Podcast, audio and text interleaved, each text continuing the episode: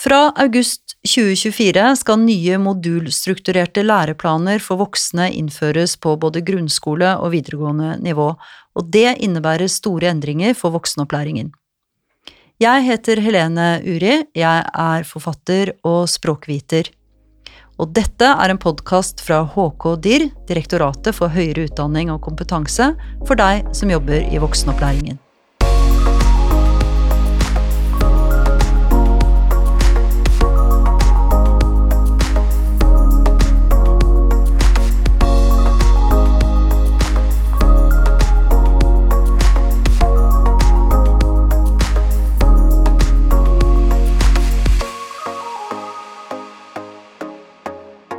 Nå er vi kommet til episode ti i Læreplanpodden, og i denne episoden skal jeg snakke med to som har ledet hver sin læreplangruppe i arbeidet med nye læreplaner for FOV. I FOV er det jo syv læreplaner. Norsk, norsk for språklige minoriteter, engelsk, matematikk, samfunnsfag, naturfag, og så i tillegg så er det en grunnmodul. Og i dag så skal jeg snakke med leder for læreplangruppen i engelsk. Det er Ingrid Rodrik Beiler. Og med leder for læreplangruppen for grunnmodulen, det er Sigridur Williamsdottir. Og det aller første jeg skal spørre om, det er selvfølgelig om dere kan si noe om dere selv. Og da tenkte jeg vi kunne begynne med deg, Ingrid. Ja, hei, og takk for invitasjonen i dag. Eh, jeg heter som sagt Ingrid Rodrik Beiler. Eh, jeg er førsteamanuensis i engelsk ved eh, lærerutdanningen ved Oslo MET. Eh, jeg jobber altså med engelsk språk, engelsk didaktikk, eh, særlig fra et flerspråklig perspektiv. Og i tillegg til det jeg gjør nå, så har jeg vært, eh, blant annet vært engelsklærer i voksenopplæring i USA. Ja. Og Og Sigridur, ja, eh, mitt navn er da Sigridur, og jeg jobber på Nasjonalt senter for flerkulturell opplæring, NAFO, som ligger innunder lærerutdanninga på Oslo OsloMet. Så dere er kolleger, Vi nesten? Vi er eh, egentlig kollegaer, ja. ja. Mm. Eh, og jeg her som fagområde norsk som andrespråk, og her jobba mye med å følge opp desentralisert kompetanseutvikling i kommunal voksenopplæring. Uh, vært litt involvert i Tuki-prosjekter, uh, og har også drevet med utviklingsarbeid knyttet til integrert språk og fagopplæring i en yrkeskontekst. Og på NAFO så har jeg nå ansvar for det som heter fleksibel opplæring, som er et digitalt tospråklig, som er digitalt tospråklig fagopplæring. Ja, jeg, jeg, blir veldig imponert, og jeg skjønner at dere har hatt veldig gode forutsetninger for å lede disse læreplangruppene. Eh, og dere har jo heller ikke gjort det helt uh, alene. Dere har hatt med dere mhm. lærere, ikke sant? Ja. ja. Lærere med erfaring fra norskopplæring og fra grunnskole for voksne, også fra det såkalte forsøket. Mm. Mm. Så eh, jeg vil gjerne høre litt mer om eh, arbeidet som dere har vært igjennom med det siste året. Men eh, kanskje aller først til deg, Sigridur. Denne grunnmodulen, hva er det for noe? Ja, grunnmodulen det er da modul for deltakere som aldri har lært å lese og skrive før de begynner i opplæring i kommunen. Og i grunnmodulen så får deltakere opplæring i grunnleggende lese- og skriveferdigheter, muntlig kompetanse og grunnleggende tallforståelse. Um, og eh, det er um, vi har også en eh, flettet inn elementer fra matematikk, samfunnsfag og naturfag, fordi deltakere på grunnmodulen de skal da forberedes til deltakelse i de ordinære modulene, altså modul 1 eh, i fagene i FOV. Ja, da Så ikke alle skal i grunnmodulen, men det er en liten gruppe men som skal dit. Men en liten gruppe har ja. behov for ja. det. De som virkelig har hatt lite ja. skolegang. Mm. Eh, så deltakere som skal ha opplæring i FOV, de har behov for opplæring på nivået under videregående, ikke sant? Ja. ja. Mm. Og hva har vært særlig viktig for dere som ledere av arbeidet i læreplangruppene, altså for å ivareta denne målgruppen? Eh, Sigrid, du får ja, si du noe om dette også, kanskje? Um, det er Altså, læreplanene er da for deltakere som skal ha grunnskoleopplæring, eh, som tidligere har vært grunnskoleopplæring for voksne. Eh, men der har man frem til nå brukt læreplanene, de ordinære læreplanene i kommuner som ikke har deltatt i forsøket. Så de læreplanene vi får nå, de er da tilpasset den voksne i opplæringen. Og Eh, når den voksne begynner i eh, grunnskoleopplæring her i Norge, og norskopplæring for så vidt også, så har de jo med seg mye erfaringer og mm. kompetanse mm. og erfaring, både livserfaring, men også arbeidserfaring. Mm. Um, og veldig Som de kanskje ikke nødvendigvis har tilegnet seg på skolebenken eller i formell opplæring. Um, noen har noe grunnskoleopplæring med seg, men den varierer jo oss, den også. Um, og de fleste som begynner i grunnskoleopplæringa, de har også behov for eh, å lære norsk, altså både norsk og fag samtidig. Ja.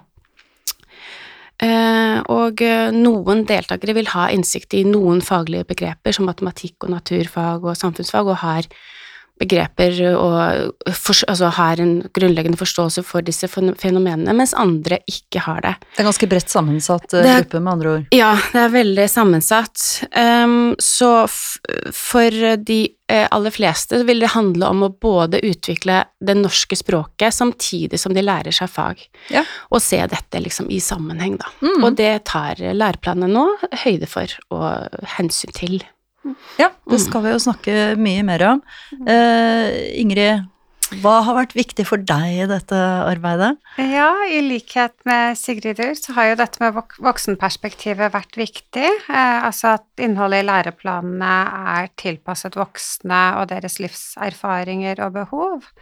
Eh, og en annen viktig inngang for meg har vært dette som vi kan kalle for en ressursorientering. Altså at eh, innholdet bygger på at deltakerne har ressurser, eh, at de er kompetente. Eh, det gjelder tidligere erfaringer som de har hatt både eh, fra arbeid, fra livet generelt, medbrakt kompetanse, mm. Flerspråklige ressurser. Jeg glemte å si innledningsvis at en del av min inngang her også er at jeg har forsket på mm på grunnopplæring for voksne.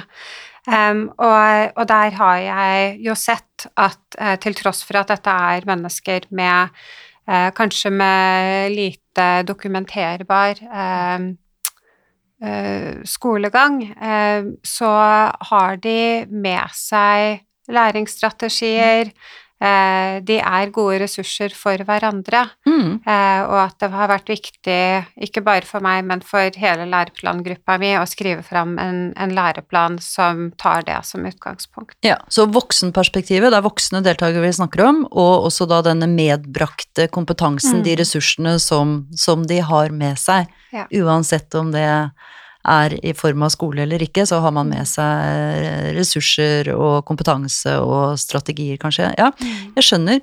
Ehm, men Ingrid, du har jo også ledet arbeidet med læreplanen i engelsk.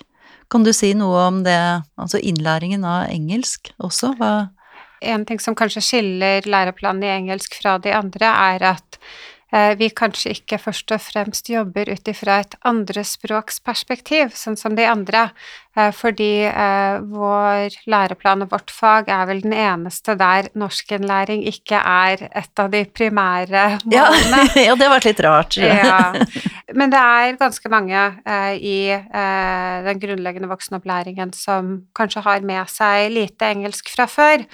Uh, og det jeg hører fra veldig mange lærere, er at de opplever det som en krevende situasjon, og at det er mange voksenopplæringssentre som ikke vet helt hva de skal gjøre med engelsken.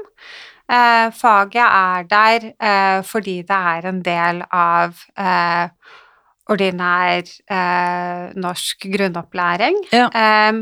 Og på litt mer overordnet vis fordi eh, det er et språk som mange kan ha behov for eh, ja. ulike, på ulike domener. Mm. Eh, kan du si noe om det eh, det å lære flere språk på én gang, altså Mm. de deltakerne som da faktisk skal lære både norsk Mm. og engelsk på på en gang, kan du si noe om eh, hva forskningen for eksempel eh, sier om dette?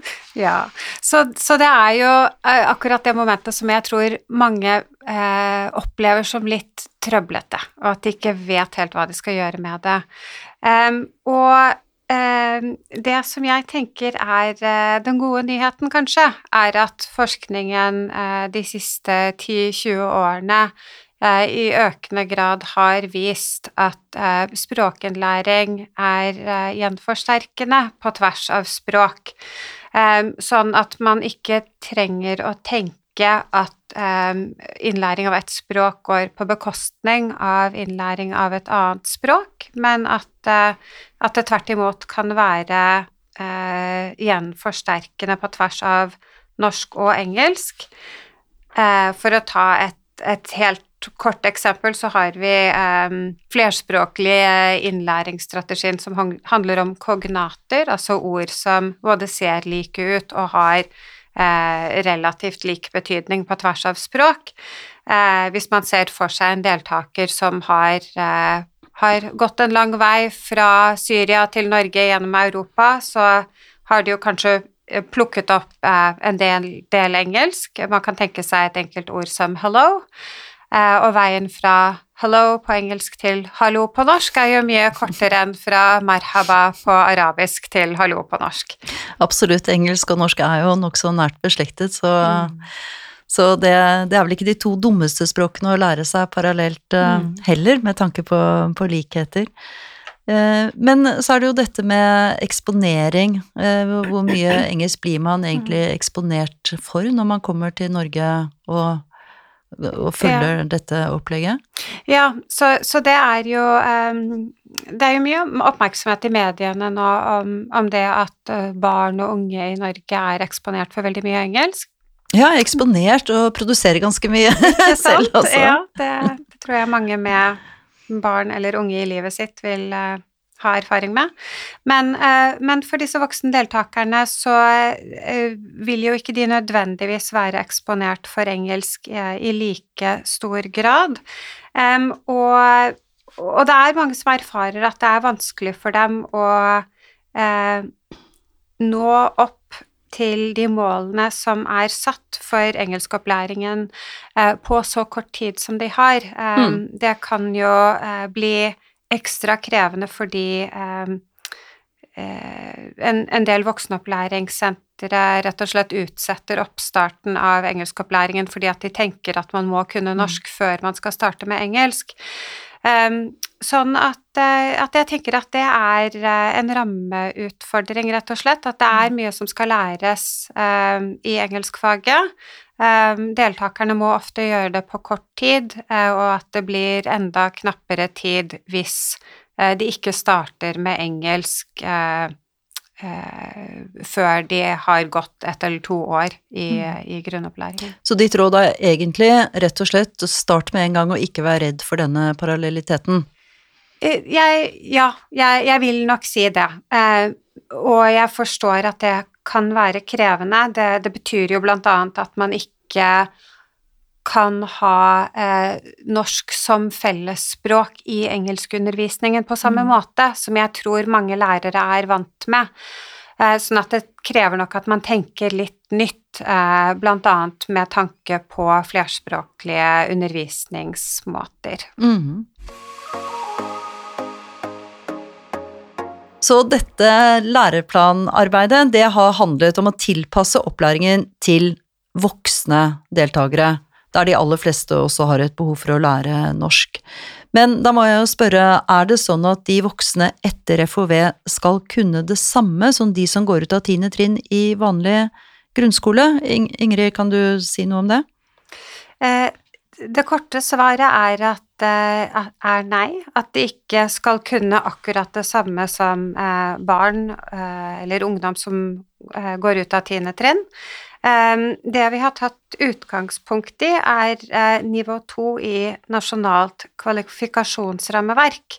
Eh, så tiende trinn i ordinær grunnskole tilsvarer nivå to i eh, NKR. Det gjelder eh, kompetansenivåer, sånn at mm. noen eksempler på kompetanser i NKR nivå 2 er for eksempel har grunnleggende kunnskap om sentrale fakta og begrep i og på tvers av Nettopp. fag. Skjønner. Eh, kan presentere emner på norsk eller samisk og minst ett fremmedspråk. Så det er, det er ganske brede kompetanser eh, som eh, den siste modulen innenfor FOV da skal eh, ha kvalifisert eh, voksne til. Mm. Du kan jo si at det, dette kvalifikasjonsrammeverket, det danner liksom sluttpunktet både for tiendetrinn mm. og for FOV. Mm. Men så har på en måte FOV-prosessen vært altså eh, oversatt Hva betyr det for den voksne i opplæringen? Den voksne som har med seg ressurser, erfaringer og kompetanser inn i opplæringen, sånn at uh, sluttnivået skal være likestilt, selv om innholdet er noe ulikt. Fordi mm. barn og unge og voksne har behov for ulike eh, altså fokus i opplæringen. Ja, det var veldig fint og veldig oppklarende for eh, flere enn meg, i hvert fall for meg, tenker jeg. Eh, kanskje du, Ingrid, skal si noe om hvordan dette er gjort i læreplanen? Altså hvordan det da gir seg utslag i at dette er en læreplan for voksne?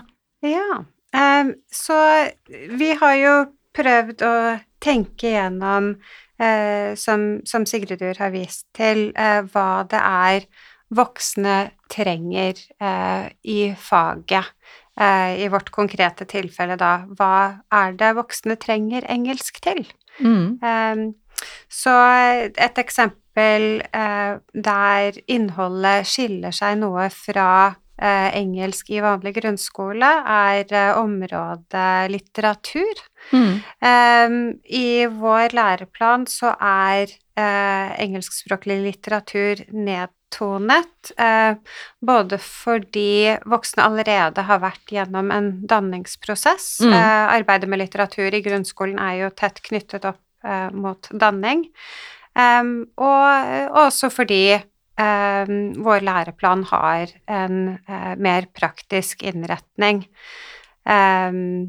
med fokus på bruk av engelsk i eget liv, samfunnet, utdanning og arbeidslivet.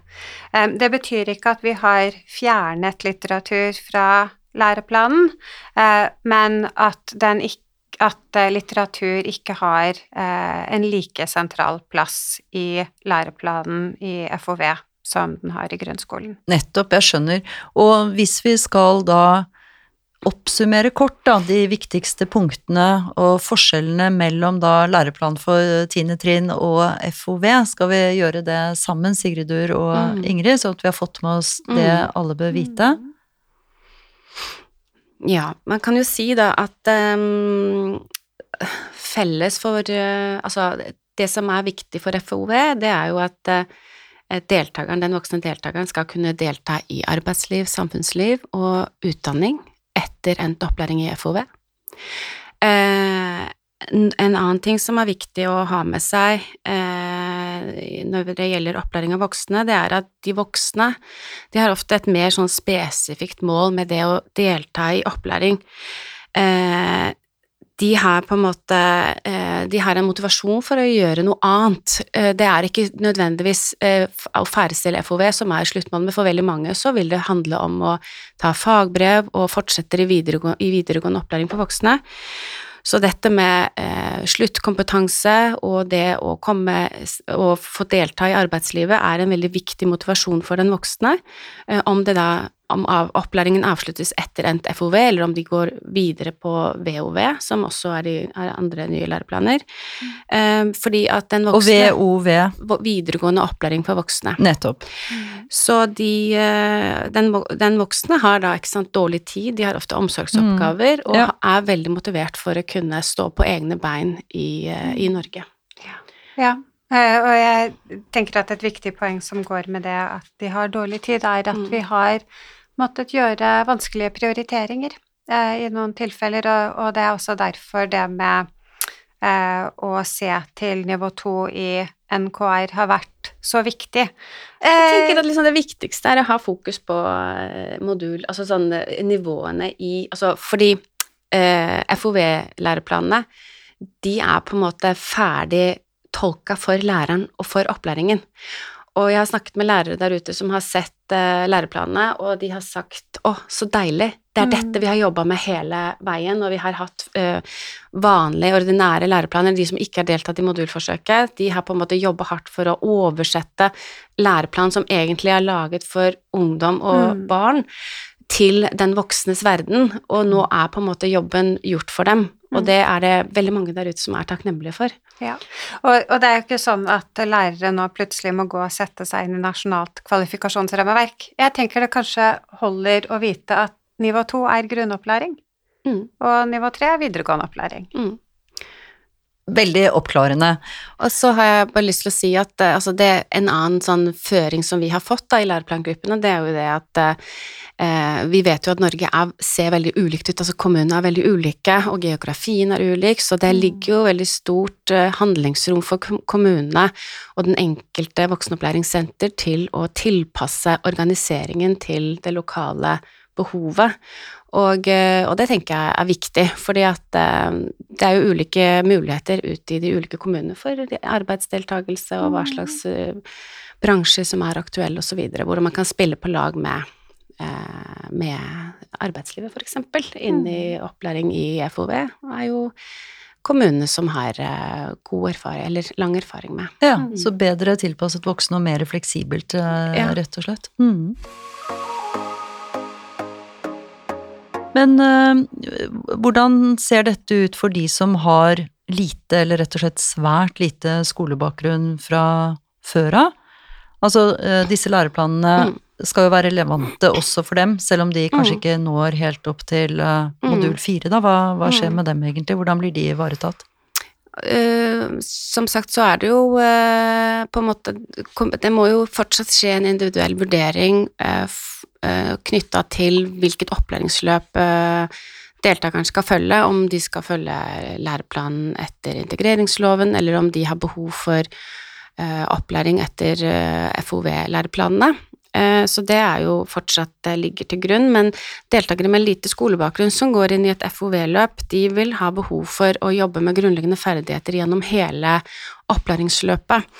Eh, og ha da behov for å både utvikle språkferdigheter gjennom fagene, eh, slik at det blir veldig stort behov for fokus på for eksempel lesing og skriving i alle fag gjennom Mm. hele løpet, ikke bare på de lavere modulene, men opp gjennom hele løpet, og det tror jeg er viktig egentlig eh, nesten for alle typer deltakere som har behov for opplæring i FOV. Eh, og deltakerne i FOV her, eh, de er jo, vi har vært inne på det tidligere, de er jo en sammensatt gruppe og har, vil fortsatt ha ulik progresjon og ulik behov for tilrettelegging for å få best mulig læringsutbytte. Og eh, for deltakere med eh, altså de som starter i grunnmodulen, så vil jo målet være å gå over i modul 1 og 2 før de går videre eh, oppover i modulene, eller etter kanskje Kanskje de eh, får et opphold i opplæringen, men da vil FOV være en måte å eh, Altså, da kan de dokumentere kompetanse underveis i opplæringen, og det gjelder jo både språkopp, språkkompetanse gjennom å ta norskprøvene underveis i opplæringen, men også opplæringen i FOV ved å dokumentere fullført modul 1, for eksempel, eller modul 2, fordi et hovedprinsipp som ligger til grunn for hele, eh, hele reformen, kan du si, er jo at den voksne skal ikke behøve å ta mer opplæring enn nødvendig. Og det betyr at hvis du da for eksempel må avbryte opplæringen på grunn av svangerskap eller noen andre årsaker, så vil du kunne komme tilbake til din kommune med eh, eh, kompetansebevis på at du har fullført det og den og den modulen, sånn at du ikke alltid rykker tilbake Nei, til start når du får en avbrudd i, i opplæringen. Jeg, tror- jeg tror vi må eh, snakke litt grann mer om det faglige innholdet og språkkompetansen, fordi det er jo sånn at man skal oppnå faglige nivåer, ikke sant. Man skal Mm. oppnå kompetanse i fagene, og så skal man også oppnå kompetanse i norsk.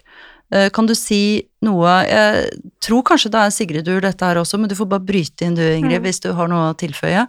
Hvordan det faglige nivået henger sammen med nivået i eh, norskopplæringen. Altså, Kan du si noe om det? Du skjønner hva jeg spør om? Ja, Ja. eh, og eh, altså sånn eh, Vi har jo vært inne på det tidligere at eh, du, altså det FOV, det ligger jo innbakt en språklig progresjon i modulene på tvers av fag. Og eh, på nivå, altså på modul fire så er eh, eh, på en måte slutt, altså sånn høy eh, måloppnåelse ved eh, På modul fire så er på en måte er, altså språklig utviklingen er på en måte opp til, modul, opp til nivå B1, B1, B1 pluss kanskje, fra det vi kjenner fra norskopplæring etter integreringsloven. Så den språklige progresjonen ligger innbakt i modulene i alle fag. Um, så så du, du kan jo si at, og, og det er jo også nytt da, ikke sant, i FOV-læreplanen, at Mm. man har en språklig progresjon uh, inni modulene. Um, Jeg, Ja.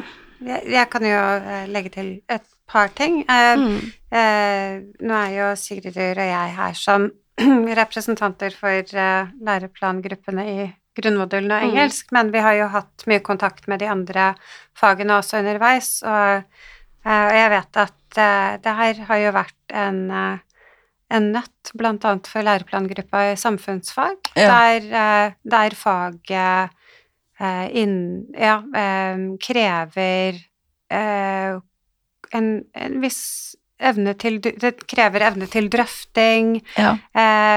til ganske kompleks språkbruk. Mm.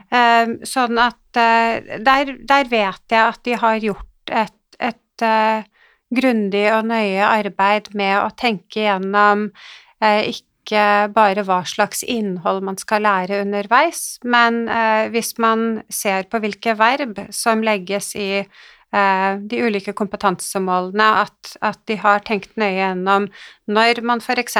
kan forvente eh, drøfting eh, kontra beskrivelse Mm. eller oppsummering. Eh, og at, at det er noe som vi har gjort i alle læreplanene, men at det kanskje blir spesielt synlig i et fag eh, sånn som samfunnsfag. Mm. Um, I engelsk så er jo også det noe vi har sett nøye på, eh, men så er jo engelsk også et språkfag, sånn at Mm. dette uansett er eh, diskusjoner som tas eh, i engelskundervisningen også i. ordinær grunnskole. Så tenker jeg at eh, alle som har jobbet med norskopplæring, og det er jo veldig mange av lærerne og, som jobber i grunnskole for voksne nå, eller eh, i, altså, som har deltatt i forsøket, de vet jo også det at språklig kompetanse utvikles eh, i ulikt tempo, altså de ulike språklige Mm. ferdighetene. Og da tenker jeg at altså, muntlige ferdigheter utvikles gjerne raskere enn skriftlige ferdigheter, så for lærerne så vil det jo være viktig å ha dette i bakhodet, selv om vi snakker om FOV, og da legge til rette for varierte vurderingssituasjoner, slik at deltakerne kan vise kompetanse i fagene på ulike måter, både muntlig eh, og eh, ikke bare skriftlig, da. At eh, Mm. det tenker jeg er viktig Mm. For at alle skal kunne vise den kompetanse de har i faget. Mm. Og så kan jeg jo si at i neste episode av Læreplanpodden så skal det jo nettopp handle om dette med norsknivåene i, i læreplanen. Så det Mm. ble jo tema for uh, den Mm. neste episoden. Det kunne jeg kanskje tilføye noe, noe kjapt. Mhm. Eh, Det er eh, med tanke på det eh, utviklingen av muntlige og skriftlige ferdigheter, det, det henger jo eh, gjerne sammen med tidligere skolegang, og, og, samtidig så tenker jeg at deltakernes spesifikke språkbakgrunn også kan ha noe mm. å si der. Mm. Eh, uttale kan jo være mm. vanskeligere for deltakere med noen språkbakgrunner.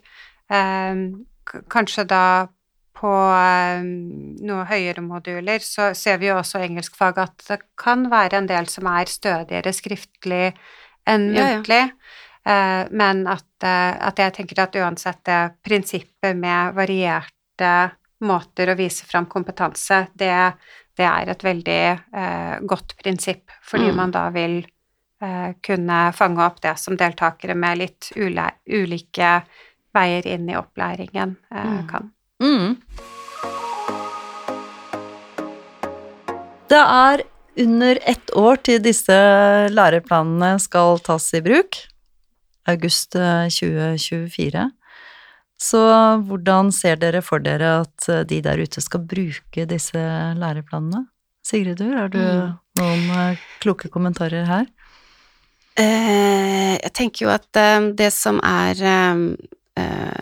Som jeg sa i stad, så, så, har vi også møtt Altså, vi har jo møtt lærere som har uttrykte det at læreplanene Dette er egentlig sånn vi har jobba. Mm. Eh, så jeg tenker at eh, det å eh, Mange har jo utviklet veldig mye god praksis opp gjennom årene, men vi, det som er kanskje litt nytt, det er jo at vi får en grunnmodul som, som kan brukes for opplæring av de med lite, veldig lite skolebakgrunn, sånn at kommunene de har jo mulighet til å eh, organisere opplæring en, etter en eh, situasjon som er i kommunen, men, eh, men, det blir en mulighet å begynne med opplæringen av de som har veldig lite skolebakgrunn, mye tidligere og målretta mot FOV-opplæringen, eh, sånn at de ikke trenger å ha norskopplæring før de begynner på grunnskole, og for noen deltakere vil det være et, eh, en, en, god måte og motiverende motiverende organisering. Og så tenker jeg liksom det å tenke på tvers av fag, tenke språkutvikling i alle fag. Hvordan gjør vi dette? Hvordan jobber jeg med språket i matematikk? Hvordan jobber jeg med språket i naturfagen? Og, eh, og en ting vi sikkert kommer til å si litt mer om etterpå også, det er jo dette med Vi har snakket om dette at deltakerne kommer jo inn i opplæringen med ulike språk og ulik språkkompetanse. Og for, eh, for, noen deltakere så vil dette med forståelse for fagene være viktig, og da er det å ta i bruk sine flerspråklige ressurser kan være en nøkkel der for å kunne forstå læreren, kunne stille spørsmål, kunne forstå svaret. Eh, det er liksom grunnleggende ting, men for deltakere med lite, veldig lite skolebakgrunn, så kan det være behov for å tenke litt rundt flerspråklighet i voksenklasserommet inn i FOV, særlig på de lavere modulene, hvor det viser seg at en enspråklig opplæringskontekst ikke er så alltid så gunstig. Så det er liksom kanskje Så har vi jo vært Ja, det med språk og fag, og det med å Forståelse er uh, mm. viktig. Mm. Og Ingrid, uh, har du noen tanker om uh, hvordan læreplanene skal tas i bruk? Ja, jeg kan jo gjerne bygge litt på det som Sigridur allerede har sagt. Kanskje for å gå videre med uh, det med å, å, virkelig benytte seg av den muligheten som ligger i å ta i bruk deltakernes flerspråklige ressurser. Um, at uh, det er jo et viktig prinsipp at deltakerne skal utvikle norsk språk parallelt med fagene, eh, men eh, det er kanskje viktig å presisere at det ikke skal bety at læringen må begrenses av norsk, mm. Eh, og at man gjerne kan få til mye mer faglæring hvis man er åpen for at faglæring også kan skje på andre språk. Etter hvert så finnes det gode ressurser på hvordan man kan jobbe med språk i et klasserom som man selv ikke forstår som lærer. ja, eh, da for eksempel, bare for å ta noen veldig enkle eksempler, ved å eh, sette deltakere i grupper der de kan eh, jobbe på et felles språk eh, ved å ha gode rutiner på eh, å sammenligne vokabular på norsk og andre språk som deltakerne kan, da også på engelsk i engelskfaget.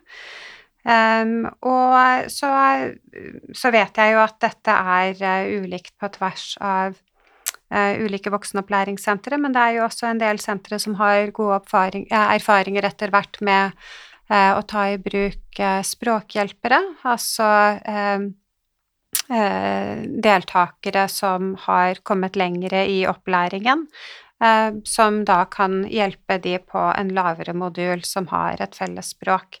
Eh, sånn at det finnes, eh, det finnes ulike grep som man kan ta der. Hvis jeg kanskje kan ta én ting til, så er noe som vi har uh, snakket mye om i vår læreplangruppe, dette med de tverrfaglige temaene, uh, og at det er viktig at lærere ikke opplever at dette blir uh, en ekstra byrde eller nok et innholdsområde som de må gjennom, i tillegg til alt det andre som er i faget. Mm. Um, og da uh, tenker vi at uh, et ressursperspektiv um, kan uh, hjelpe med å synliggjøre at de tverrfaglige temaene ikke er tenkt som noe helt nytt for deltakerne, noe som de overhodet ikke har vært borti, selv om det kanskje er eh, noen nye perspektiver og noe nytt vokabular å, å lære. Hvis vi f.eks. tar uh, bærekraftig utvikling, ja. um, så, så, vil det jo stemme at uh, uh, samtalene rundt det i Norge kanskje er litt annerledes enn det deltakerne har fra tidligere hjemland eller oppholdsland. Eh, men så er det jo også, også slik at eh, de fleste som kommer til Norge, eh, vil ha betydelige erfaringer med ressursknapphet. Det, de som har reist litt rundt om i verden, vil jo vite at, at folk gjerne er mye mer forsiktige med vann og strøm og andre knapphetsgoder rundt om i verden. Sånn at der kan et godt utgangspunkt jo være å eh, prøve å få fram hva deltakerne har gjort tidligere for å eh, eh, ta vare på eh, Bruke den medbrakte kompetansen, rett og slett. Mm. Ja. Mm. ja. Dere har jo begge erfaring fra opplæring selv, ikke sant? Dere har uh, vært lærer og undervist selv, sa dere i begynnelsen, og kjenner da målgruppen godt. har dere noen sånn konkrete tips, eksempler til lærere som skal i gang med mm. dette her? Ja, vi var jo innom dette med ressursperspektivet, da, ikke sant. Hva har deltakerne med seg inn i opplæringen? En av de tingene er jo språk, og og når, de, når, deltakerne begynner i opplæringen, så selv om de ikke har hatt så mye skolegang fra før, så har de jo lært seg ting gjennom livet, og mange har lært seg flere, mange språk, selv om det ikke har vært på skole. Så det å ta i bruk eh, de, altså de strategiene deltakerne har med seg inn i opplæringen, er veldig veldig viktig. Eh, og så er det jo sånn at ikke alle strategier er hensiktsmessige strategier, så da handler det litt om å Eh, ta utgangspunkt i strategier som allerede er i bruk, for så å også utvikle strategier som er hensiktsmessige for videre opplæring. Mm. Eh, litt sånn mer skolske strategier. Skolske var fint eh, adjektiv. Ja, ja, vi har brukt det litt i vår læreplangruppe, fordi at uh, for, uh, for, deltakere som ikke har gått så mye på skole, så det er liksom forskjell på det. Mm. Det å klare å uh, møte en tekst, da, eller møte et nytt fagstoff, fordi til syvende og sist så handler dette her egentlig om livslang læring, det å lære hele livet. Vi er jo i et en arbeidslivs, eller arbeidslivet i Norge i dag er jo sånn at det krever mye av arbeidstakerne, og det krever mye av deltakerne våre da som skal ut i dette arbeidslivet, og vi må gjøre dem i stand til å både ta til seg læring i opplæringssituasjonen, som vi har kontroll på, men også å fortsette å lære når de kommer ut i arbeidslivet. Så det å ha fokus på læringsstrategier er kjempeviktig, og de grunnleggende ferdighetene for, for å kunne eh, ja, klare seg videre, både i utdanning og arbeid. Ingrid, har du noe like klokt å tilføye her? Oi, det blir jo en uh, vanskelig bestilling. Men uh, du, jeg, jeg, tenkte faktisk litt over uh, inngangsspørsmålet ditt, eller at du rammet inn ved at vi selv har erfaring som lærere, og det, det er jo helt riktig. og samtidig så er det noe som jeg tenker på at jeg Jeg er jo gammel nok nå til at jeg har klart å Eh, lære litt mer etter hvert og endre syn på noen ting. Sånn at eh, jeg tenker at de eh, rådene som jeg ville komme med nå, kanskje er litt annerledes enn de jeg selv ville gitt eh, da jeg startet som lærer, og, og jeg tror at dette med um, En demonstrasjon av livslang læring, rett og slett? Ja. Ikke sant. Nå kan man lure på hvor gammel jeg er. Men uansett. Um, så så, så, tror jeg at dette med å, å, klare å se strategiene som deltakerne har med seg fra før, det er noe som jeg mener at jeg kanskje har blitt bedre på etter mm. hvert, um, og at det kanskje også har kommet litt gjennom den forskningen som jeg har gjort eh, mer nylig. Eh, et eh, helt konkret eksempel på det er hvordan jeg forholder meg til eh, de oversettelsesstrategiene som deltakere har. Mm. Um, og eh, nå ja, er vel for to, to år siden så, eh, så gjennomførte jeg et forskningsprosjekt eh, med eh, Jåke de Vilde ved Universitetet i Oslo om eh, flerspråklige arbeidsmåter i grunnopplæring for voksne. Der noe av det vi syntes var mest interessant, var å se hvordan deltakere med lite skolebakgrunn, i mange tilfeller begrensede lese- og skriveferdigheter, eh, brukte digital oversettelse veldig aktivt. Mm. Eh, selv lærte jeg mye om mulighetene som ligger i digitale oversettelsesverktøy, altså annet ved at eh, deltakere holdt mobilen over lærebøker og fikk oversatt tekst til et språk som de forsto bedre. Eh, at de kunne lese ord inn i Google Oversetter og få en, eh, altså en, en muntlig oversettelse mm. for de som da har begrensede lese- og skriveferdigheter.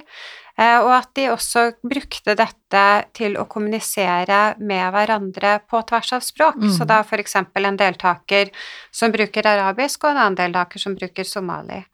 Så, så det er veldig interessant for meg å se eh, hva slags strategier deltakere har tilegnet seg selv, eh, med utgangspunkt i de behovene de har, som jo er annerledes enn de behovene jeg har for oversettelse.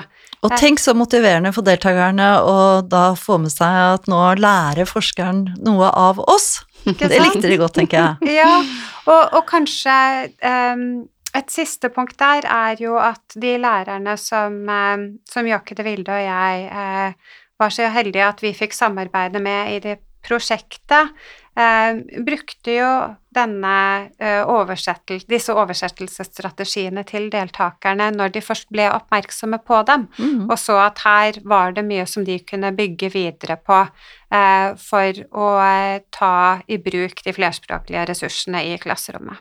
Mm.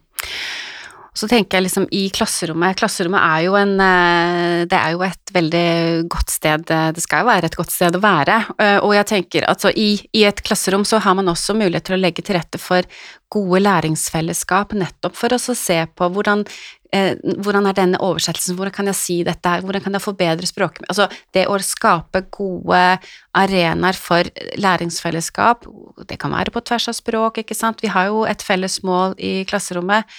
Men, eh, men, det å jobbe sammen med språket, fordi så er det jo sånn i en sånn sosiokulturelt, eh, i et sosiokulturelt læringssyn som veldig mye av våre, vår praksis bygger på eh, ute i klasserommene, så handler liksom om dette med at når du, det du får til sammen med andre, det er, det er litt mer enn det du klarer alene. Mm. Og det å ikke kaste deltakerne ut i egen individuell produksjon vi har, altså, Det er liksom fort gjort å gjøre det, Den feilen har jeg selv gjort som lærer, men det å dvele i de felles eh, eh, læringsprosessene er veldig viktig for å kunne strekke seg ett hakk videre mm. enn det du klarer på egen hånd. Mm. Nydelig avslutning der, syns jeg, fra Sigrid Durr. Så tusen takk, det har vært kjempe Rett og slett inspirerende å høre på dere. Og morsomt å høre hvordan dere jobbet med læreplanverket, men uh, enda mer spennende syns jeg å høre hvordan dere ser for dere at det skal tas i bruk der ute. Og som jeg sa tidligere, i neste episode av Læreplanpodden så skal vi høre mer fra HK-DIR om hvordan disse norsknivåene som vi kjenner fra før av, eh, fra norskprøven, henger sammen med opplæringen i FOV. Til neste gang, vi høres.